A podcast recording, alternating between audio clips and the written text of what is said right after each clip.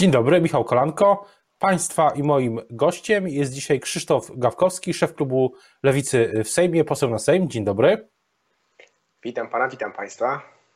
Chciałbym zapytać, jak się panu podoba e, ten plan dotyczący e, życia w pandemii do połowy stycznia, który zaproponował w, w weekend premier Morawiecki i minister Niedzielski?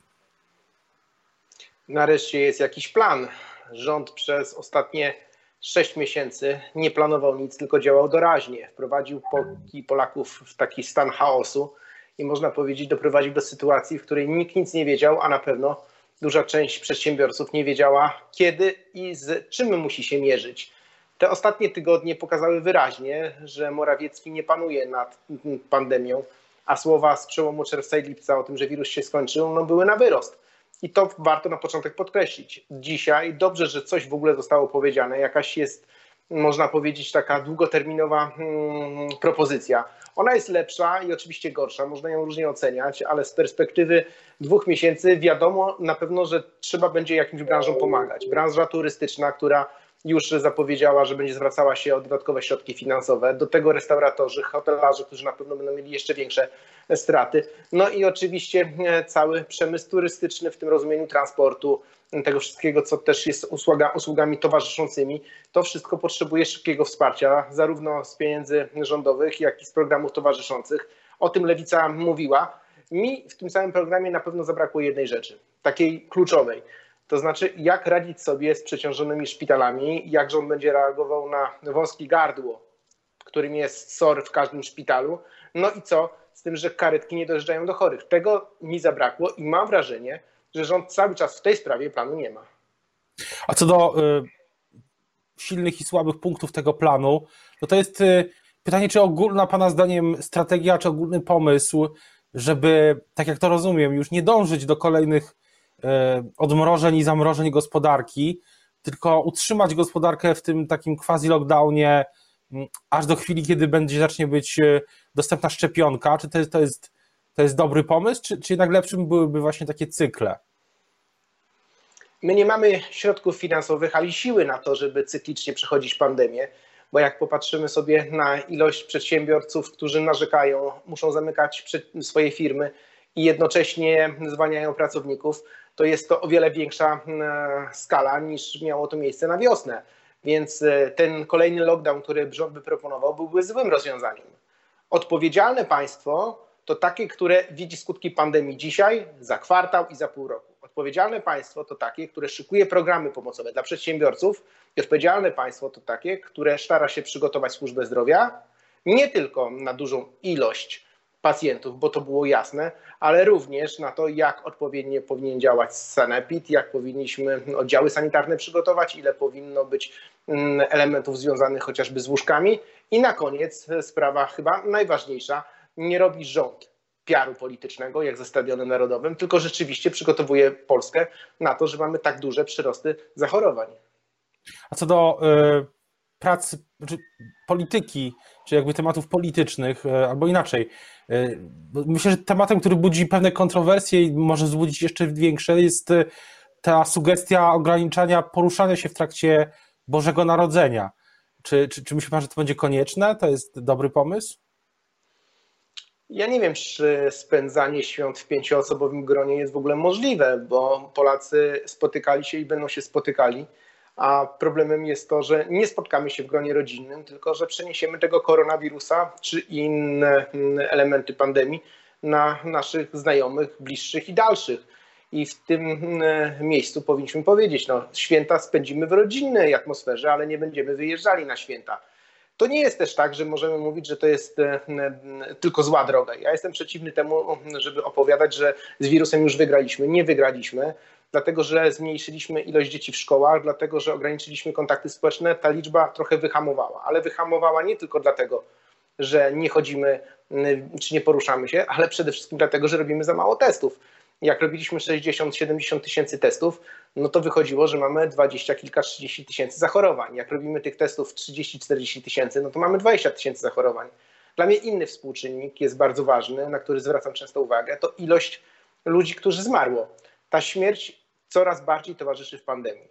Polska jest trzecim państwem na świecie, które ma największą ilość zgonów. I to warto mówić. Pandemia nas nie oszczędza, rząd miał nas zabezpieczyć, nie zabezpiecza.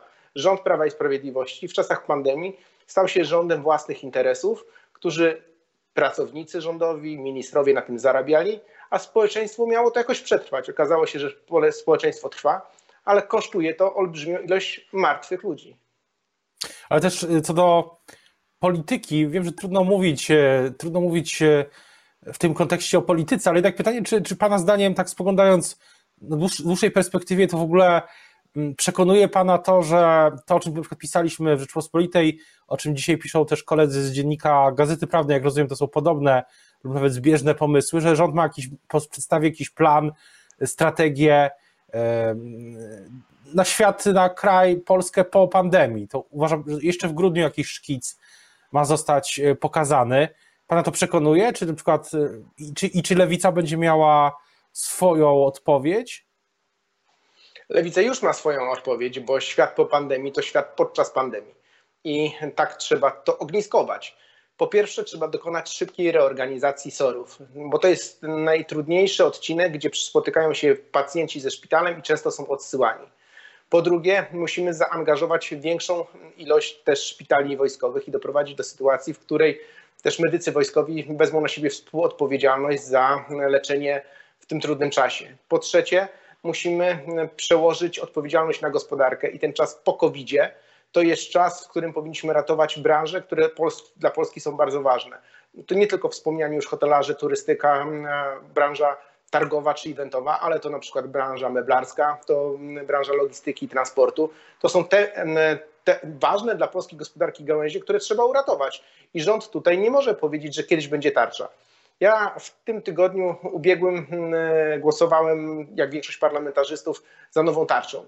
Tylko, że to jest tarcza, która, szanowni państwo, dotyka za 2-4 miliardów złotych, która przekazuje na ratunek to jest o wiele, o wiele za mało. Jeżeli rząd mówi, że dzisiaj komuś pomaga, to to jest symulowane pomaganie, a nie taka naprawdę prawdziwa, emocjonalna, dobrze celowana pomoc. A, a zmiany, jeśli chodzi o ten 2021 rok, no nie wiem, na przykład plan czy, czy, pomysły dotyczące służby zdrowia, mówi Pan o tej reorganizacji, ale czy na przykład na horyzoncie e, powinno być na przykład większa, większe, większe inwestycje w służbę zdrowia, większe nakłady, nawet kosztem, znaczy kosztem, nawet y, y, przy podniesieniu składki. Usługi publiczne to ta część polskiej gospodarki, która stanęła w dużej mierze na wysokości zadania, bo gdybyśmy mieli tylko prywatną służbę zdrowia albo w ogóle odeszli od publicznych finansowania wielu elementów naszego życia, okazałoby się, że w czasach pandemii jest naprawdę bardzo, bardzo źle. I jeżeli gdzieś mamy dołożyć cegiełkę i pieniądze, które będą stabilizowały sytuację na przyszłość, to na pewno jest służba zdrowia. Zauważyliśmy, jak wiele brakuje. Nie ma nie tylko miejsc w szpitalach, ale nie ma często niezbędnego sprzętu, który jest potrzebny. Zaniedbaliśmy kształcenie lekarzy i pielęgniarek. Personel medyczny często woli wyjeżdżać za granicę pracować, bo są płace o wiele wyższe za granicą. I te wszystkie elementy musimy sobie wypisać i taką listę białą księgę braków, która służbę zdrowia polską zastała, powinniśmy w przyszłości naprawiać. Jak ją można naprawiać? Na dwa sposoby. Reorganizacja. No to wiadomo, że możemy placówki zmieniać, oddziały przypisywać, możemy dokonywać jakiejś organizacji sieci szpitali. No, to są elementy takie, które pozwalają na zbudowanie dobrej opieki od strony logistyki, ale z drugiej strony tam pieniędzy nigdy nie za dużo i mm, podwyżki zarówno składkowe, jak i mm, środki finansowe z budżetu, które powinny dotykać służby zdrowia, być bardziej mm, skierowane, są niezbędne i to są miliardy i to duże miliardy złotych, a nie tylko jakieś tam środki, które się dosypuje od czasu do czasu do jakiegoś szpitala. Co do y, wszystkich tych planów, to też siłą rzeczy y, wiele z nich opiera się, i to sam rząd przyznaje, y, siłą rzeczy opiera się na środkach y, unijnych. Jak pan w ogóle odczytuje tą mm, debatę wokół weta? Czy, czy to jest mm, e, coś więcej niż tylko pozycjonowanie się w ramach samej Zjednoczonej Prawicy? Rząd Prawa i Sprawiedliwości za wszelką cenę chce doprowadzić do sytuacji, w której będziemy mieli problemy finansowe. Budżet Unii Europejskiej to są pieniądze, które gwarantują Polsce stabilność finansową na lata 2021-2027. Rząd wyjechał na autostradę, jedzie pod prąd i chce się zderzyć czołowo z Unią Europejską, mówiąc: My zawetujemy te pieniądze i ich nie będzie. Na co ich nie będzie? Na infrastrukturę ich nie będzie, na służbę zdrowia ich nie będzie, na nowe technologie, na edukację ich nie będzie, na inwestycje w małe i duże firmy, nie będzie na wydobycie gospodarki z kryzysu po pandemii.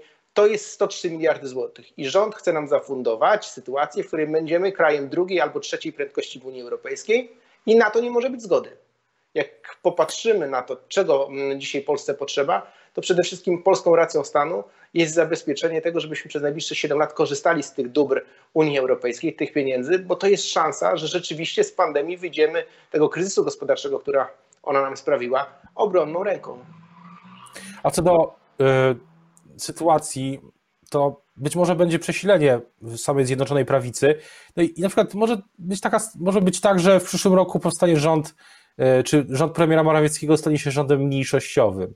I czy jako szef klubu Lewicy widzi Pan jakieś pola współpracy z rządem, z hipotetycznym takim rządem mniejszościowym? Czy raczej przy budżecie, czy przy no nie wiem, ustawach antykryzysowych? Pole do współpracy z rządem Lewica widziała w czasie pandemii, zgłaszając swoje dziesiątki propozycji.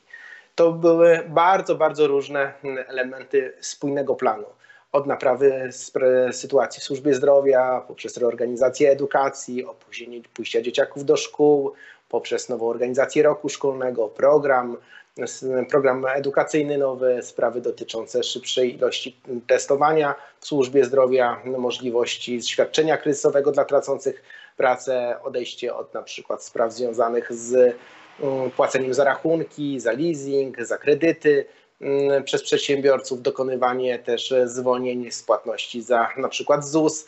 I to były konkretne propozycje. I w takich sprawach mogliśmy współpracować. Rząd w takich sprawach współpracować nie chciał, bo na przykład propozycje w sprawie reorganizacji tej służby ochronnej na poziomie podstawowym SORY w szpitalach do dzisiaj, pomimo deklaracji premiera, nieruszone. Minęło trzy tygodnie od spotkania z premierem, już czwarty tydzień za chwilę się skończy. Więc nie ma też no, ale... miejsca na współpracę rządową. Na pewno lewica nie będzie popierała rządu, który jest nieudolny, który udowodnił w czasach pandemii wolał, wolał walki frakcyjne i zajmował się tym, żeby mógł e, przetrwać Morawiecki, e, a nie tym, żeby Ziobro e, i Kaczyński demolowali polską rację stanu dzisiaj. Ale pamiętam, ale pamiętam, jedna rzecz, ale pamiętam wypowiedzi premiera Morawieckiego, który nawet z mównicy sejmowej chwalił lewicę, wymieniał wprost lewicę, mówił o konstruktywnej współpracy w różnych sprawach, to na przykład przy, przy Białorusi. Pamiętam, że, że były takie słowa no, rzadkie niestety w polskiej polityce, takich podziękowań za, za współpracę, więc e, jakieś drogi, no, ale... ścieżki, ścieżki są. Współpracować możemy ze wszystkimi na lewicy, i z opozycją, i z koalicją, ale w sprawach projektów ustaw, które dają poczucie bezpieczeństwa i solidarności Polkom i Polakom. Lewica jest formacją, która na pewno chce szukać porozumienia, bo to jest polska racja stanu.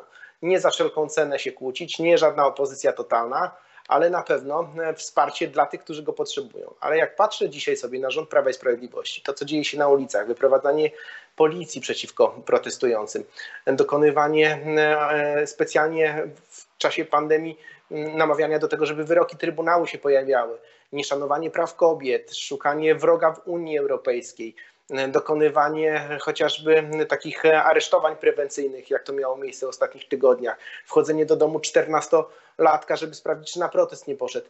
No to ten rząd tak się skompromitował, że miejsca na jakąkolwiek współpracę, która miałaby dać jeden dzień więcej temu rządowi, nie ma i nie będzie. A co do y, właśnie sytuacji w policji i działań policji, co teraz politycznie i prawnie, ale bardziej politycznie powinno się wydarzyć? Czy, czy oczekuje Pan na przykład dymisji ministra Kamińskiego? Lewica zdecydowała się na złożenie wspólnie z koalicją wniosku o wotum nieufności dla premiera Kaczyńskiego, dlatego że to on jako szef do spraw bezpieczeństwa jest odpowiedzialny za to wzmożenie działań policyjnych, za te rozkazy, które powodują, że policjanci używają środków przymusu bezpośredniego, pałek teleskopowych. To, że mamy na ulicach burdy, to, że 11 listopada mieliśmy podpalanie Warszawy, to wszystko jest odpowiedzialność Jarosława Kaczyńskiego. On w rządzie ma jasno określoną działkę. Nie radzi sobie za nią, jest premierem od spraw milczenia, a nie spraw działania, dlatego powinien ponieść odpowiedzialność. Również ponosi odpowiedzialność pan minister Kamiński, bo wszystko, co dotyka bezpieczeństwa, również w tej sferze wewnętrznej, niestety sypie im się z rąk. To jest władza, która zamiast pomagać, woli podsłuchiwać. To jest władza, która zamiast szukać rozwiązań, woli używać pałek teleskopowych. To jest władza, która zamiast dawać nadzieję i poczucie sprawiedliwości godności, woli dzielić, bo to jest droga do utrzymania przez nią władzy. To, a co do Sejmu, to czy na horyzoncie jest w ogóle kolejne posiedzenie? Pytam, e, może to dziwne pytanie, ale w ostatnich tygodniach e, ten Sejm był przesuwany, był odwoływany. Jak to wygląda przez najbliższy miesiąc? No, będziemy mieli e, w tym tygodniu posiedzenie, kolejną część tego z ubiegłego tygodnia. Spotkanie jest też zaplanowane na następny tydzień, więc tych spotkań w ramach e, takiego, można powiedzieć, codziennego życia parlamentarnego jest na horyzoncie zaplanowanych sporo, ale to nie znaczy, że mamy pewność, że te posiedzenia się odbędą. Prawo i Sprawiedliwość, jak brakuje mu gdzieś większości, to po prostu przesuwa posiedzenie o 2-3 tygodnie i pracuje nad swoimi posłami, posłankami, żeby za wszelką cenę głosowali po dobrej stronie. Na pewno u Kaczyńskiego w ugrupowaniu jest problem. Dzielą się, kłócą, żrą. To jest dzisiaj prawda o obozie Zjednoczonej Prawicy, gdzie swoje interesy próbuje mm, ugrać Ziobro, gdzie Morawiecki stara się otrząsnąć po tym, że go Ziobro podgryza, gdzie Kaczyński miał być tym demiurgiem e, zgody, a okazał się mm, premierem od niebezpieczeństwa. I tak wygląda dzisiaj obóz Zjednoczonej Prawicy. O tym, co dalej e, w Sejmie i co będzie działo się też z planami dotyczącymi pandemii, będziemy jeszcze do tego wielokrotnie wracać. E, teraz bardzo już dziękuję za rozmowę Państwa i moim gościem był Krzysztof Gawkowski, szef klubu parlamentarnego Lewicy w Sejmie, poseł na Sejm. Dziękuję bardzo. Dziękuję bardzo.